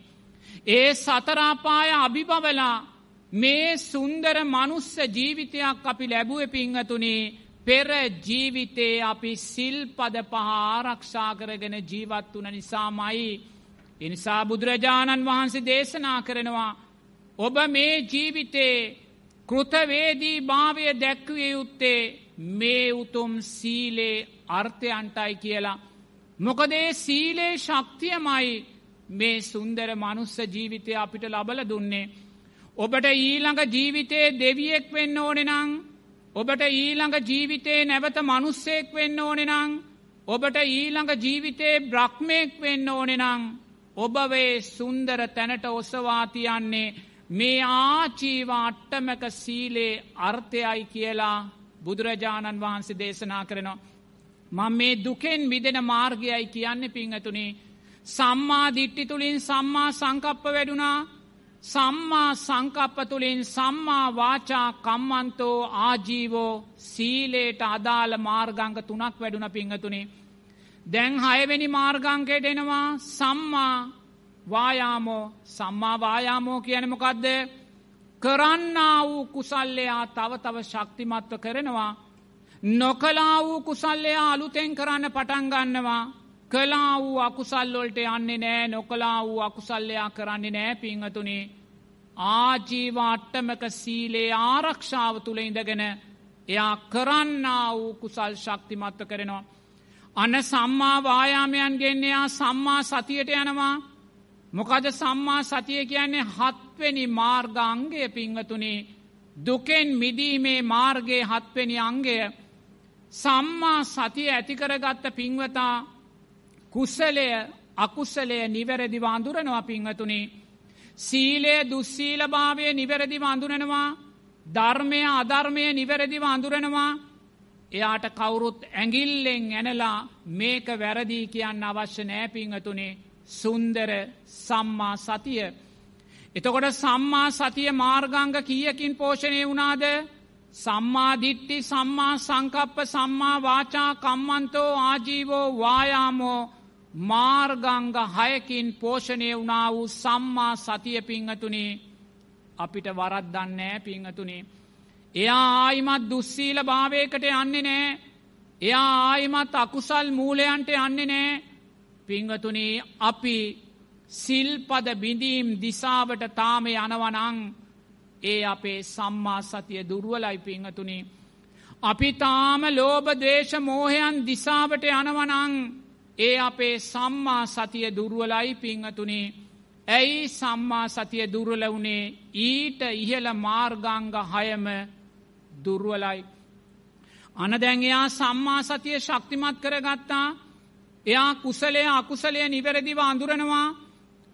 සීලය දුස්සීල භාවය නිවැරදිව අඳුරනවා. ඒ නිසාම පිංවතුනේ එයාගේ හිතේ විතර්කනෑ එයාගේ හිතේ සැකයක් නෑ එයාගේ හිතේ විචිකිච්ඡාවක් නෑ එයා ධර්මය දකිනවා සම්මා දිට්ටිය තමාගේ ජීවිතය තුළ තියෙනවා සම්මා සංකප්ප තමාගේ ජීවිතය තුළ තියෙනවා සීලේ අර්ථයන් තමාගේ ජීවිතය තුළ තියෙනවා සුන්දර සම්මා සතිය තමාගේ ජීවිතය තියෙනවා විචිකිච්ඡාවක් සැකයක් නැති හිත පිංහතුනේ සුන්දර සම්මා සමාධියට එනවා. සම්මා සමාධිය කියන පිංහතුනේ පංච නීවරණ තුනේ වූ සුන්දර හිතක්. ඔබේ හිත දෙස මේ මොහොත දකින්න තමාගේ හිත දෙස මොහොතක් දකින්න මේ මොහොතේ මේ මොහොතේ ඔබේ සිතේ කාමච්චන්ද ව්‍යාපාද තීනමිද්ද උද්දච්චකුක්කුච්ච විචිකිච්චාවන් නෑ පිංහතුනේ. ඒවා සැහැල්ලු වෙලා තියෙන්නේ. ඒවා යටපත් වෙලා තියෙන්නේ. මේ මොහොතේ කුමද්ද ඔබේ සිතේ නලියන්නේ සති දම්ම විජය වීර ප්‍රීති පස්සද්ධි සමාධි උපේක්කා සමාධිමත් හිතක් ඔබට මේ මොහොත තියෙනවා. ඇයි ඒ සමාධිමත් සිත සකස් වනේ පිංහතුනේ මුල් මාර්ගංගයන් වැඩිලයි මේ මොහොතේ ඔබ තුළ තියෙන්නේ. අනදැන් සුන්දර දුකෙන් මිදෙන මාර්ගය පිංහතුනේ. සම්මාධිට්්‍යයෙන් අපි ඇතුල් කරලා බුදුරජාණන් වහන්සේ සම්මා සමාධිමත් හිතක් ළඟට අපි වාර පිංහතුනේ බුදුරජාණන් වහනා කරනවා සුන්දර සතර සටිපට්ටාන ධර්මයන් ජීවිතයට එකතු කරගන්න කියලා. ඇයි පිංහතුනේ තාමත් අපි රූපය කෙරෙයි තුෂ්නාව අපි තුළ තියෙනවා. තනා සංඥා සංකාර විඤ්ඥාණයන් කෙරෙයි තුෂ්නාව තියෙනවා. මේ මනුස්ස ලෝකයේ සැපයන් කෙරෙයි තුෂ්නාවතා තියෙනවා අනේ මේ සංස්කාරයෝ අනිත්‍යයි කියල දකිින් නෑ පිංහතුනේ. බුදුරජාණන් වහන්සේ දේශනා කරනවා මෙතන ඉන්න සෑම කෙනෙක්ම දසදහස් වාරයක් සංසාරයේ සක්විති රජවෙලා ඉපදිලා තියෙනවා කියලා පිංහතුනේ. දසදහස් වාරයක් සක්‍රයා වෙලා සුජම්පතිය වෙලා ස්ත්‍රී රත්නය වෙලා ඉපදිලා තියෙනවා කියලා බුදුරජාණන් වහන්සේ දේශනා කරනවා. බුදුරජාණන් වහන්සේ දේශනා කරනවා මම සුදස්සන කියන සක්විති රජවෙච්ච වෙලාවේ සක්‍රයා දිව්‍යලෝක ඉන්න සක්‍රයා විස්කම් දිව්‍ය පුත්‍රයාට අඩගහල කිව්වලු. අර සුදශ්ෂන රජතුමා දැන් පහළ වෙලා තියෙනවා මේ දඹදිව්තලේ ඔබ දඹදිව්තලයට යන්න ගිහිල්ල සුදශ්ෂන රජතුමාට රනින් මහා නිවසක් මවන්න කියලා මාලිගාවක් මවන්න කියලා පිංහතුනේ. මේ විස්කම් දිව්‍යපුත්‍රයා මේ සුදර්ශන රජ්ජුරුවන්ගේ පෙර පින නිසාම පින්වතුනේ සුන්දර මාලිගයක් මවනවා කියනවා. ඒ මාලිගේ සෑම ගඩොලක්ම රත්තරනින් හදල තියෙන පිංහතුනේ. ඒ මාලිගේ සෑම කුළුණක්ම දියමන්තිවලින් ඔබ්බල තියෙන්නේ. ඒ මාලිගේ සෑම බිම අතුරල තියෙන්නේ මැනික් කියල කියනවා. පිංහතුනේ බුදුරජාණන් වහන්සේ දේශනා කරනවා දහවල් ඉර මුදුන් වෙච්ච වෙලාවට ඒ මාලිගාව දෙස කාටවත් බලන්න බෑ අර රත්තරන් ඉරේලියට මුහු වෙලා ඇස් දාල යනවා කියලා. බුදුරජාණන් වහන්සේ දේශනා කරනවා මහනෙන මේසා සුන්දර සංස්කාරයනුත් අනිත්‍ය වෙලා ගියා පිංහතුනේ. මේසා සුන්දර සංස්කාරයනුත් වෙනස් වෙලා ගියා. නිසා මේ කිසිම සංස්කාරයක් අපිට අයිති නෑ කියද්දේ. අපි ඒ සංස්කාරයෝ මමය කියල ගන්නවා. ඒ සංස්කාරයෝ මගේ කියල ගන්නවා. ඒ සංස්කාරයෝ මගේ ආත්මය කියල ගන්නවා. බුදුරජාණන් වහන්සේ මහපාරේ පනින කඩිරලක් පෙන්නල කියනවා මහනෙන මේ කඩිරැලේ ඉන්න සෑම කඩියෙක්ම සංසාරයේ සක්විති රජවෙලා තියෙනවා කියල පිංහතුනේ බලන්නකෝ. කඩිරැලේ ඉන්න සෑම කඩියෙක්ම සක්විති රජවෙච්ච සංසාරයක් මේක පිංහතුනේ තාම අපිට ඇති වෙලා නැහැ. තාම මනුස්සලෝක සැප ප්‍රාර්ථනා කරනවා දිව්‍යලෝක සැප ප්‍රාර්ථනා කරනවා බ්‍රහ්මලෝක සැප ප්‍රාර්ථනා කරනවා. මේ සුන්දර සෑම සැපයක්ම අනිත්‍ය වෙලා යන සංස්කාරයන් කියලා අපි දකින්නේ නෑ පිංහතුනි ඇයි පිංහතුනි අපි තාම සතර සටිපට්ටාන ධර්මයන් ජීවිතයට එකතු කරගෙන නැහැ. අපි රූපයේ අනිත්‍ය භාවය කායානු පස්සනාවෙන් දැකල නෑ. සුන්දර මනුස්ස රූප කායානු පස්සනාවෙන් දකිද්දී. සුන්දර දිව්‍ය රූප කායානු පස්සනාවෙන් දකිද්දී. සුන්දර බ්‍රහ්ම රූප කායානු පස්සනාවෙන් දකිද්දී. පිංහතුනී ඒ රූපයන් කෙරේ තුෂ්නාව සියුම් වෙනවා. ඒ වගේම විඳීම් කෙරෙයි චිත්තානු පස්සනාව කෙරෙයි දම්මානු පස්සනාව කෙරෙයි තින තුෂ්නාව සියුම් වෙලා යනවා. ඒ ආකාරයෙන් පිංහතුනේ සතර සටිපට්ටාන ධර්මයන් ජීවිතයට එකතු කරගන්න කියලා බුදුරජාණන් වහන්සේ දේශනා කරනවා. එනිසා අපි ආරෂ්ඨාංගික මාර්ගෙන් සම්මාධිට්්‍යයෙන් ඇතුල් වෙලා සම්මා සමාධිමත් හිතක් ඇතිකරගෙන පිංහතුනේ බේ රූපේ අනිත්‍ය භාවය දකින්න.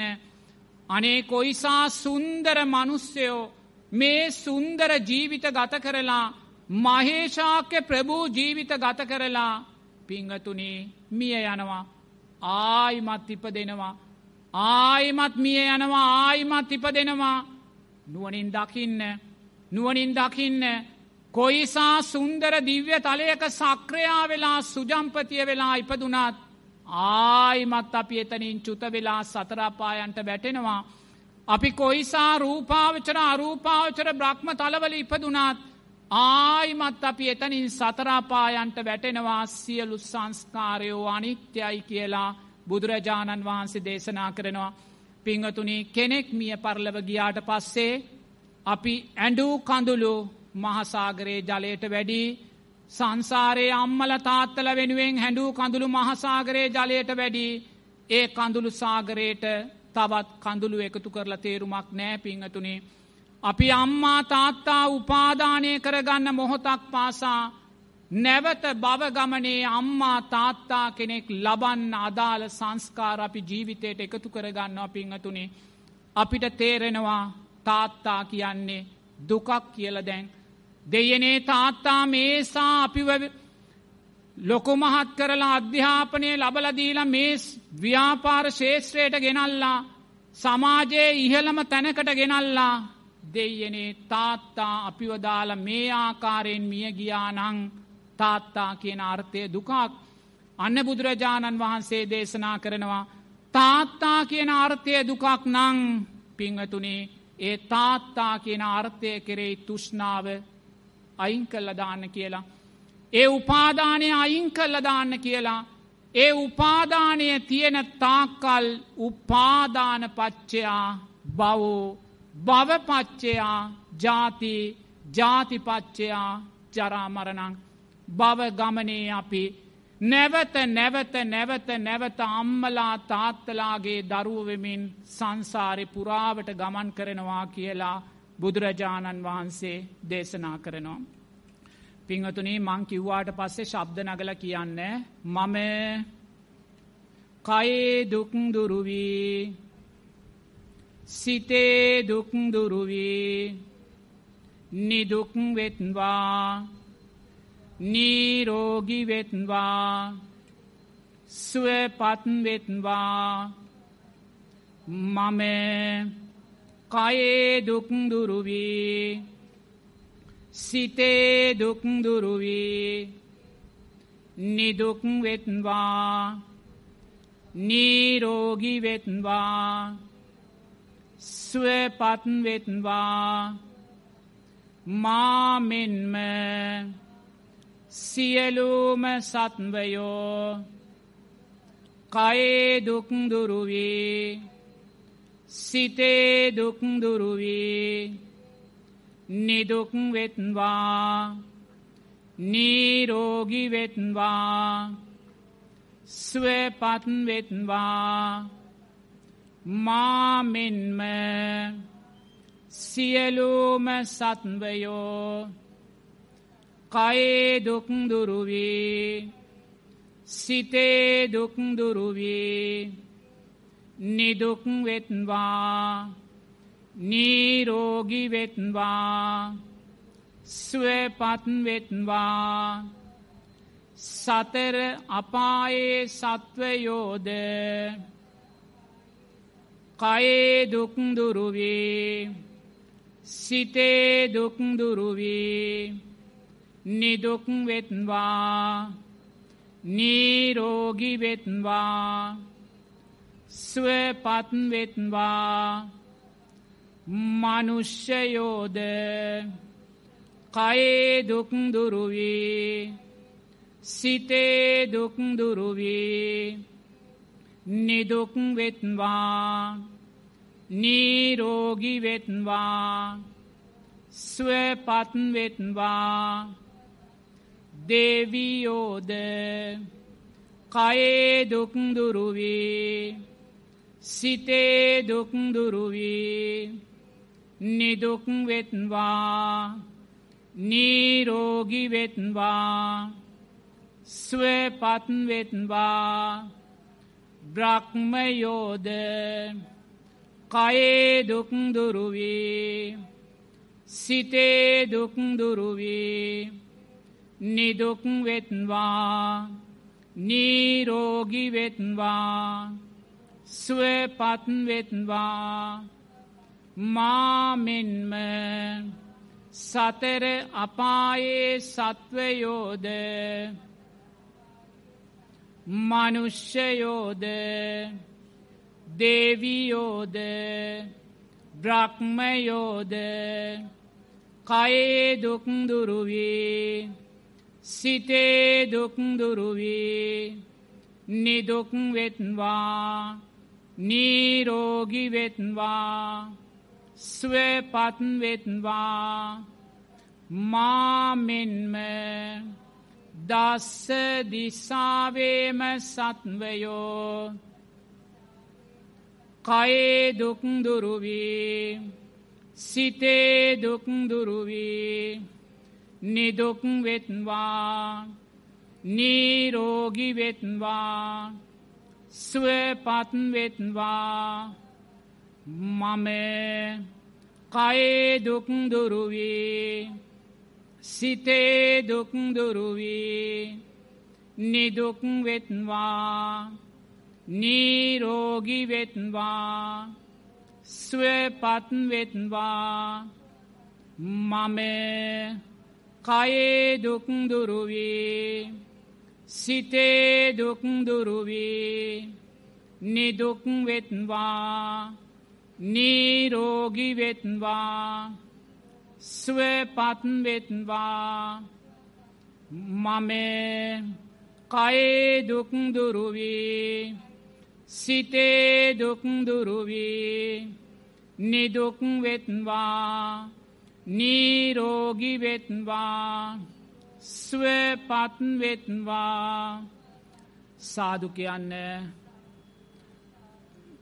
පින්වතුන් අප්‍රමාණ සතුවට පත්වෙන්න මේ මොහොතේ ඒ පින්වත් සසි රාජමහේන්ද්‍රන් ඒ පින්වත් මහත්මයා ඇතුළුවේ පවුලේ සියලූම දෙනාත් ඒ වගේම සිරසකාරය මණ්ඩලේ සියලූම දෙනාත් මහා සංගරත්නය බොහෝම ගෞරවයෙන් පිළිඅරගෙන මේ සුන්දර මණ්ඩපේක මලින් ගැවසුනා වූ වැසුනා වූ මේ සුන්දර මණ්ඩපේක මහා සංගරත්නය වැඩහිඳවලා පින්වතුල්ලා උතුම් තෙරුවන්සන්න පිහිටලා පංචසීලය සමාදං වෙලා සිල්වත් පිරිසක් බවට පත්වෙලා මේ උතුම් ශ්‍රී සද්ධර්මය සවනය කරලා මොහොතක් මෛත්‍රී භාවනාවන් වඩලා ඒ වගේම පිංහතුනේ පසුගිය වසර පහක පමණ කාලයක් සිරස මාධ්‍යජාලය තුළ මහරාතුන් වැඩිමගොස්සේ ඒ සුන්දර ධර්මදේශනාවන් විකාශනය කරලා ඒ වගේම පසුගිය වසර අටක කාලයක් පුරාවට සෑම මාසකම ඒ පන්සිල් මළුව වැඩසටාන් අනු පහක් පමණ මේ දක්වා ප්‍රචාරය කරලා ලක්ෂ සංඛ්‍යාත දේශීය විදේශීය පින්වත් බෞද්ධ අබෞද්ධ ජනතාවට සුන්දර ධර්මදානමය පින්කම් අත්කරල දුන්නා. ඒ වගේමයි අනෙකුත් සියලූම ගෞරෝණය සාමීන් වහන්සේලා වැඩම කරවෙලා ධර්මදේශනාවන් ධර්මසාකච්ඡාවන් ඒ වගේ මේ සුන්දර වෙසක් කලාපයන් ඇති කරලා ලක්ෂ සංඛ්‍යාට ජනතාවකට පින්වතුනයේ සුන්දර ධර්මය අර්ථයන් ජීවිතයට එකතු කර දුන්න ඒ පින්වත් සභාපතිතුමන්. එනිසා කල්පනා කරන්න පින්වතුල්ලා අපි සියලු දෙනාම ඒ රැස්කරගත්තා වූ සෑම ධර්මදානමය පින්කමක් තුළින් රැස්වුනා වූ පිනොත් මේ මොහොතේ මේ උතුම් ධර්මදේශනාමය පින්කම තුළින් රැස්කර ගත්තා වූ සෑම පිනකක් පිනුත් පිනුත්. ඒ වගේම සිරස මාධ්‍යජාලය ඒ ජනතාව උදෙසා අහිංසක ගම්වැසියන් උදෙසා කරන්නා වූයේ සත්කාරයන් තුළින් රැස්කරගන්නා වූ පිනොත් පිංවතුනී මේ මොහොතේ මෙස්සිතිං අපි සෑම දෙනාම ඒ පින්වත් සීමා සහිත කැපිටල් මහරාජා සංවිධානයේ සභාපතිතුමන් ආර්රාජ මහේන්ද්‍රන් මහත්තයාගේ රුවගුණ සිහියට නගාගෙන මේ පින් දකිත්වා මේ පින් අනුමෝදං වෙත්වා පරලව ජීවිතේ සැපයෙන් සැපයට පැමිණෙත්වා කියල පින්වතුනේ ඒ පින්වත් මහත්මයාගේ රුවගුණ සිහියට නගාගෙන පින් අනුමෝදන් කරන්න ඉදම් මේ ඥාති නංගෝතු ගාථාව ශබ්ද නගල කියන්න. ඉදම් මේ ඥාති නංහෝතු සුකිතා උන්තු ඥාත් ඉදම් මේ ඥාති නංහෝතු සුකිතා උන්තු ඥාතයෝ ඉදම් මේ ඥාති නංහෝතු සුකිතා උන්තු ඥාතයෝ ඒ වගේම මේ රැස්කර ගත්තා වූ සෑම පිනක්ම මහේශාක්‍ය අල්පේශාක්‍ය අප්‍රමාණ දිව්‍යරාජ සමූහයාද මේ ගම්බිම් සුරකින දෙවියෝද මේ උතුම් සම්මා සම්බුද්ධ ශාසනය සුරකින සක්‍ර දෙවියන් සතරවරන් දෙවියන් ඇතුළු දිව්‍යරාජ සමූහයාද මේ පින් දකිත්වා සතුටුවෙත්වා දෙවියෝ ප්‍රාර්ථනීය බෝධියකින් අමාමහ නිවනෙන් සැනසෙත්වා. දෙවියන්ගේ ආසිරිවාදයෙන් ඒ පින්වත් බිරිඳ එකැනිස් රාජමහේන්ද්‍රන් මහත්මිය ඒවගේම සසී රාජමහේන්ද්‍රන් මහත්මයා ඒ දියනිය ශානිකාසා අංජලි පින්වත් දියනියන් ඇතුළු ඒ පවුලේ සියලූම දෙනාටත් කල්්‍යාන මිත්‍රභාවයෙන් සහ සම්බන්ධ වෙන්න වූ දැකබලා සතුටු වෙන්න වූ සියලූම දෙනාටත් දෙවියන්ගේ ආස්සිරිවාදය සැලසේවා දෙවියන්ගේ රැකවරණය සැලසේවා කියලා දෙවියන්ටත් මේ පිනානුමෝදන් කරන්න එත්තාවචාච අම්මේහි කියලා.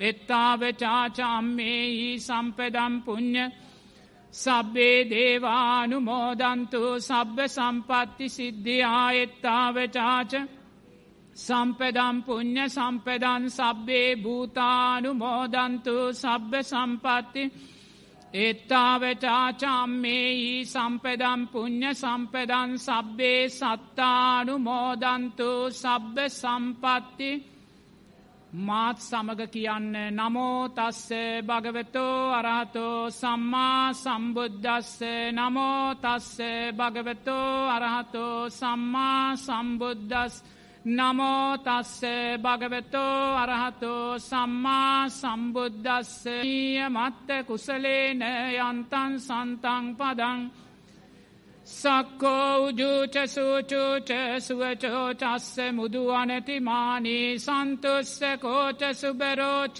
අප කිච්චෝච සල්ල උක උත්තේ සංකේන්ද්‍රියෝච අප ගබ්බෝ කුලේසු අනනුගිද්දෝ නචකුද්ජං සමාචරේ කිංචියේන වින්නෝ පරේ උපවදෙයොම් සුකින් කේමිනෝහොන්තු සබ්බේ සත්තා භවන්තු සුකි සත්තායේ කේති පානභූතත්මී තතාවා තාවරාවානව දීගාවා ඒ මහන්තාවා මජ්ජිමාරස්ස කානුකතුලා දිට්ටාවා ඒව අද්දිට්ටා ඒච දූරේ වසන්ති භූතාවා සම්භවේසීවා සබ්බේ සත්තා භවන්තු සුකි සත්තාන පෙරෝ පරං නිකොබ්බේත ඥාතිමන්නේත කත්ත කිනංකන්තේ ව්‍යාරෝ පටිග සංඥාඥාන්‍ය මං්ඥස්ස දුක්කමිත්තෙය මාතා යතානියම් පුත්තං ආයුස් ඒක පුත්ත මනුරක්කේ වම්පි සබ්බභූතේසු මාන සම්භාවයේ අපරි. මෙත්තන්ත සබ්බලෝකස්මින් මාන සම්භාවයේ අපරිමානං උද්දං අදෝත. අසංබාදං අවේරං අසපත්තං තිත්තන් චරං නිසිං්ඥෝවාසයන් යාවතස්ස මිගද මිද්දෝ ඒතන් සතිං අධිස්තෙය බ්‍රහ්ම මේතං විහාරං එද දිට්ටිංච අනුපදම්ම සීලවාදස්සනේන සම්පන්නෝ කාමේසු විනෙය නහි ජාතු ගබ්බසෙයං පුුණරේීති ඒතේන සච්චවච්චේන සොත්තිතේ ඕතු සබ්බදාඒතේන සච්ච සබ්බරෝගෝ විනස්සතු ඒතේන සච්චවච්චේන ඕතු තේජය මංගලං සබ්බීතියෝ විවජ්ජන්තු සබ්බරෝගෝ විනස්ත මාතේ පවත්වන්තරායෝ සුකීදීගායුකෝ භවේ භවෙතු සබ්බ කන්තු සබ්බ දේවතා සබ්බ බුද්ධානු භාවේන සදාසොත්ති භවන්තුතේ භවතු සබ්බ මංගලංරක්කන්තු සබ්බ සබ්බ දම්මානු භාවේන සදාසොත්ති භවන්තුතේ භවතු සබ්බ මංගලංරක්කන්තු සබ්බ සබ්බ සංගානු භාවේන සදාසොත්ති භවන්තුතේ ආකා සට්ටාච බුම්මට්ටා දේවානාගාමයිත් පුඤ්ඥන්තං අනුමෝදිත්වා චිරන්රක්කන්තු ශාසනං ආකාසට්ටාච බුම්මත් දේවානාගාමයිද්දිකා පුඤ්ඥන්තං අනුමෝදිත් චිරන්රක්කන්තු දේශනං ආකාසට්ටාච බුම්මට්ටා දේවානාගාමයිත් පුඤ්ඥන්තං අනුමෝදිත් වාචිරන්රක්කන්තු තුවං සදාති පිංවතුනේ මහා සංගරත්නය හැටියට පිංවතුල්ලා සියලු දෙනාට නිදුක් නීරෝගේ සුවපත්භාවය දීර්ගායුෂ සැලසේවා කියලා ආශ්‍රිවාද කරනවා.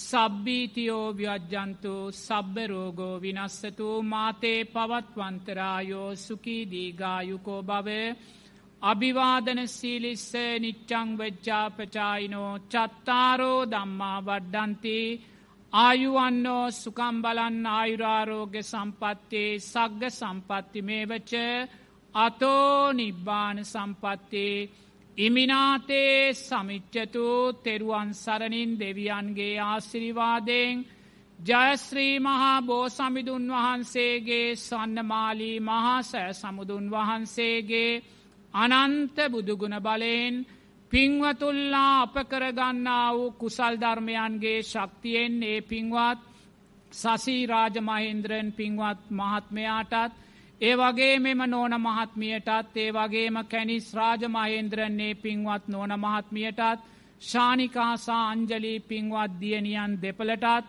ඒ වගේම කල්්‍යාන මිත්‍රභාවෙන් සහ සම්බන්ධ වෙන්න වූ සියලූම දෙනාටත් අපේ සිරස ඒ පින්වත් පන්සිල් මළුව පින්වතුල්ලාට ඒ වගේම සිරස රූපවාහිනය සභාපතිතුමල්ලා ඇතුළු පින්වතුල්ලාට මේ පින් නිදුක් නීරෝගේ සුවපත්භාවය දීර්ගායුෂ පිණිස හේතුවේවා ඒ වගේම මේ උතුම් ධර්මදේශනාව සවනය කරන්න වූයේ ගම්වාසී රටවාසී සියලූම පින්වතුල්ලාටත් මේ පින් නිදුක් නීරෝගේ සුවපත්භාවය දීර්ඝායුෂත් මේ ජීවිතේදීම උතුම් චතුරාර් සත්‍ය ධර්මයන් දැකීම අවබෝධයට මේ පින් උත්තම ශක්තියක් වේවා කියල සාදු කියන්න. තෙරුවන් සරණයි.